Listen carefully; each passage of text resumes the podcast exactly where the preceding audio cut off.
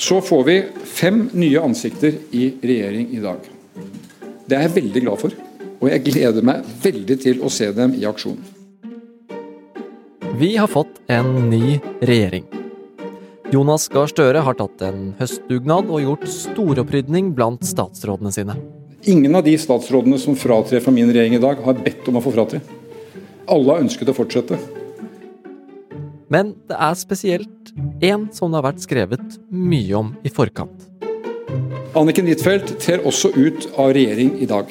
Det er det jeg kommer til å savne mest. Dette er eh, verdens morsomste og verdens mest krevende jobb, Det tok 47 dager fra Anniken Huitfeldts aksjesak til hun til slutt ble bedt om å forlate kontoret sitt. Hvorfor skjedde det nå? Du på Forklart fra Aftenposten, hvor vi tar for oss én nyhetssak hver dag. I dag om Støres nye regjering, og hva opprydningen betyr. Også for Erna Solberg. Det er onsdag 18. oktober, og jeg heter David Vekoni. På mandag så ble det kjent at det skulle skje endringer i regjeringen. Og da er det jo sånn at selve eh, utnevnelsen av eh, nye statsråder skjer eh, hos kongen på Slottet i det som heter Kongen i statsråd. Kjetil Alstaheim er politisk redaktør her i Aftenposten. De svarte regjeringsbilene kommer med statsråder som både skal gå, og de nye som skal bli utnevnt. Og ute på Slottsplassen så er det folk som venter med blomsterbuketter.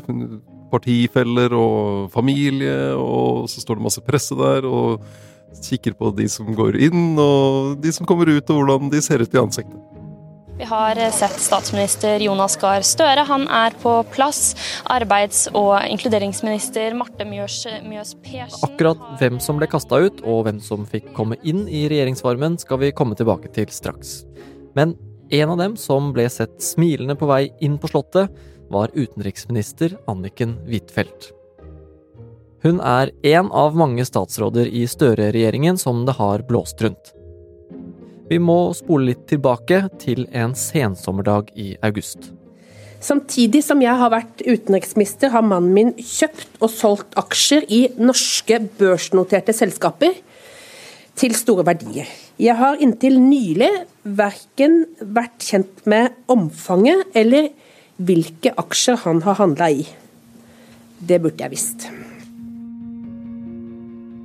Huitfeldt ble den siste i rekken av statsråder som fikk habilitetsproblemer da mannen hennes handlet aksjer som gjorde henne inhabil, uten at hun visste det. Men i motsetning til andre statsråder som måtte gå pga. habilitetsproblemene, så ble Huitfeldt sittende. Men så begynte plutselig ryktene å svirre. Onsdag i forrige uke så kom Dagens Næringsliv med en sak om at uh, statsminister Jonas Gahr Støre vurderte å bytte ut utenriksminister Anniken Huitfeldt. Uh, og det, uh, det var jo et tegn på at her er det endringer i regjering på gang. Og det kom mange saker både om Huitfeldt og om andre statsråder. Og det kom også saker med ulike kilder, da, anonyme kilder, om hva som skulle være motivet for å bytte ut uh, særlig Huitfeldt nå.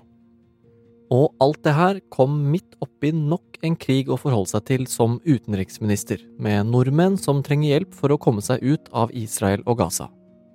Med andre ord, det har vært en intens uke for Anniken Huitfeldt. Så sent som eh, på mandag morgen så sto jo Anniken Huitfeldt på TV 2 og kommenterte hvordan eh, hun og Utenriksdepartementet håndterte den situasjonen. Ja, om mens Huitfeldt er opptatt med det her, så kommer det samtidig rapporter om en uh, angivelig isfront mellom henne og Støre. Hva vet vi om det?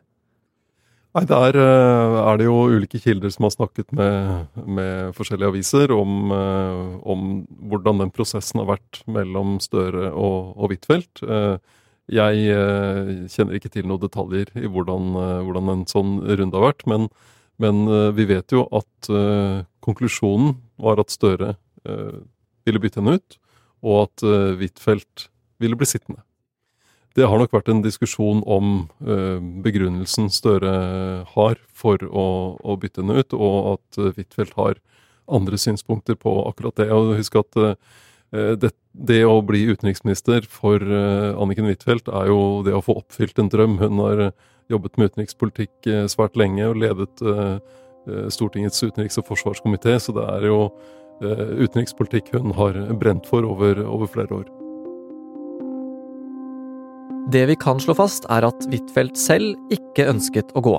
Hun ble fotografert gråtende av TV 2 på vei ut fra sitt foreløpig siste statsråd med kongen.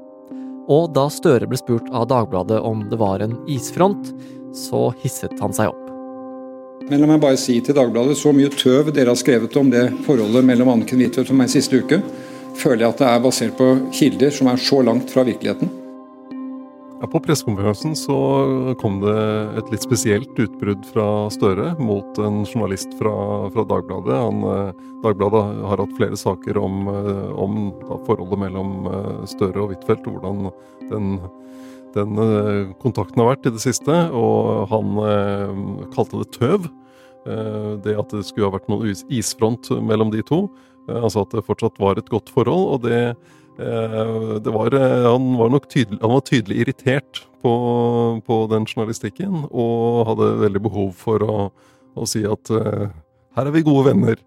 Samtidig så sa han jo på den samme pressekonferansen at alle de statsrådene som nå måtte slutte, ønsket å fortsette. Nå har altså Støre fjernet flere fra regjeringen mot deres vilje, og satt inn nye håpefulle. Kan han med det ha slått to fluer i én smekk, reddet seg selv og gjort hverdagen enda vanskeligere for Erna Solberg.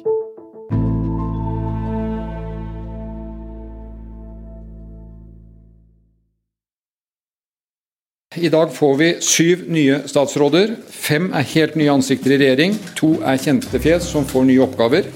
Med andre ord, i sum er dette en god blanding av kontinuitet, erfaring og fornyelse. Karianne Tung er vår nye digitaliserings- og forvaltningsminister. Det er Espen Barth Eide som blir ny utenriksminister. Andreas Bjelland Eriksen. En ung mann fra Rogaland blir klima- og miljøminister etter Espen Barth Eide. Kunnskapsminister og Arbeiderparti-nestleder Tonje Brenna bytter departement. Tonje Brenna er vår nye arbeids- og inkluderingsminister. Og så kommer da Kari Nessa Nordtun, tidligere ordfører i Stavanger. Kari Nessa Nordtun er vår nye kunnskapsminister. Det tar litt tid, dette, for det er flere. Erling Sande blir ny kommunal- og distriktsminister. Cecilie Myrseth er vår nye fiskeri- og havminister. Hun kommer fra Troms. Ja, Og de som eh, ryker ut, da? Det er eh, tidligere arbeids- og inkluderingsminister Marte Mjøs Persen. Hun har før det vært olje- og energiminister.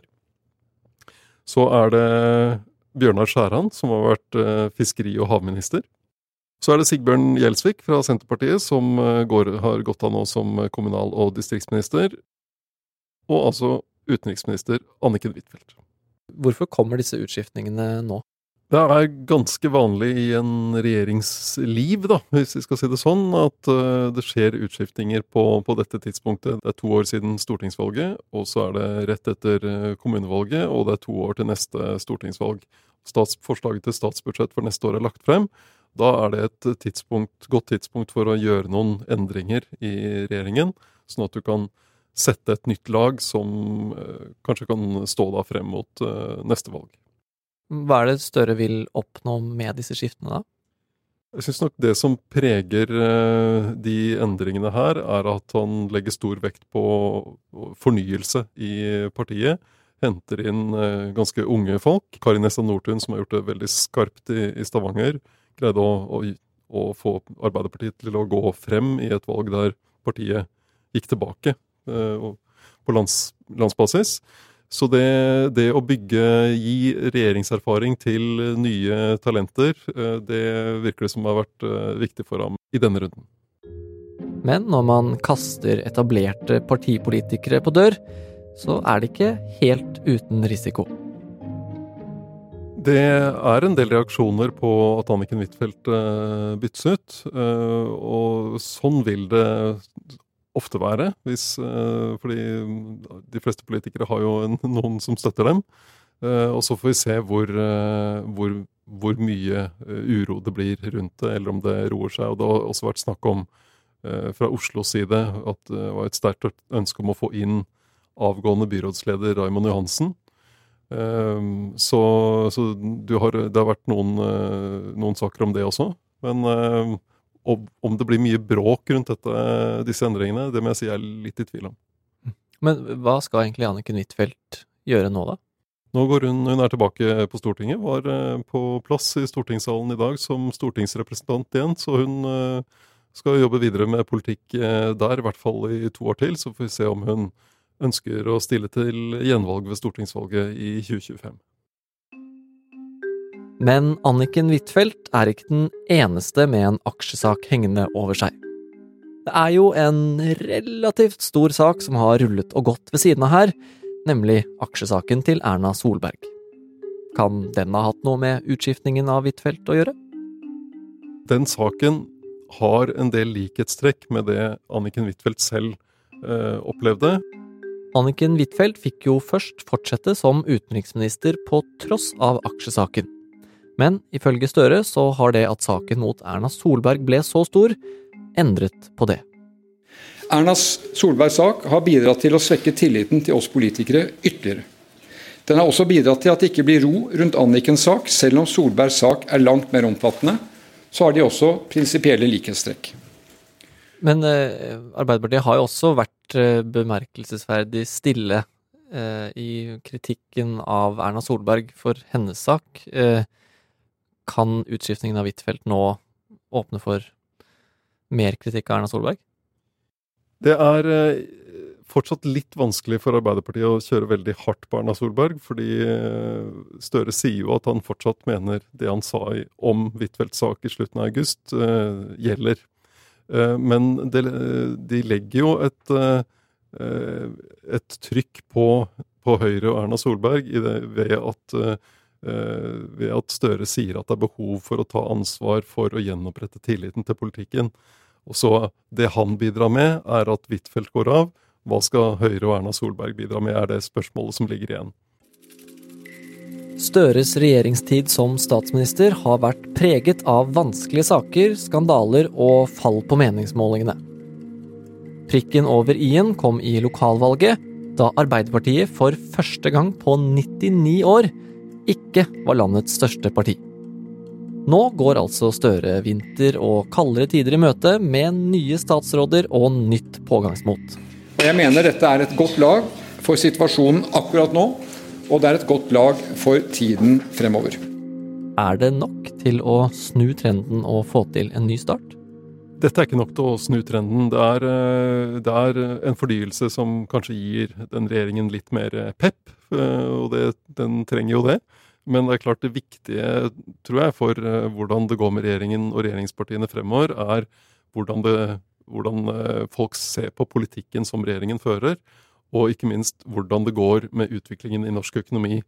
For er det sånn som vi ser, tegn til nå, at den høye prisveksten tar slutt, og at det roer seg? er det sånn at rentene slutter å stige, at det kanskje til og med kommer en rentenedgang i løpet av neste år? Sånne ting er jo veldig viktig for hvordan velgerne ser på de som sitter i regjering. Men disse nye, yngre statsrådene kan være fremtiden til Arbeiderpartiet, da?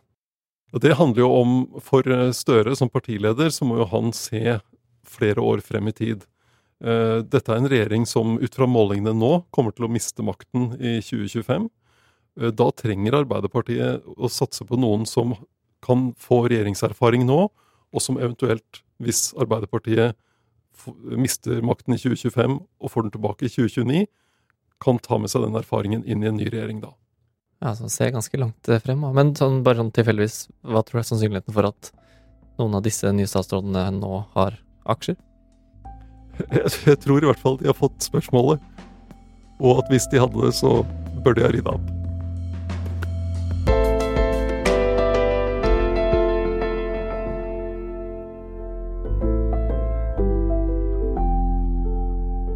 Du har hørt en podkast fra Aftenposten.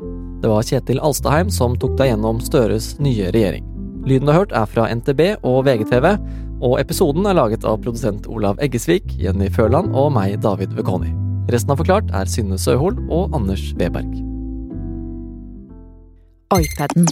Hvordan i all verden kom den seg inn i norske klasserom? Nesten uten protester?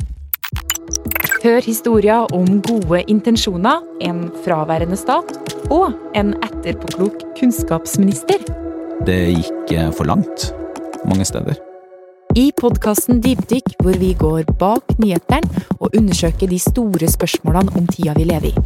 Du finner oss i Aftenposten eller Podme.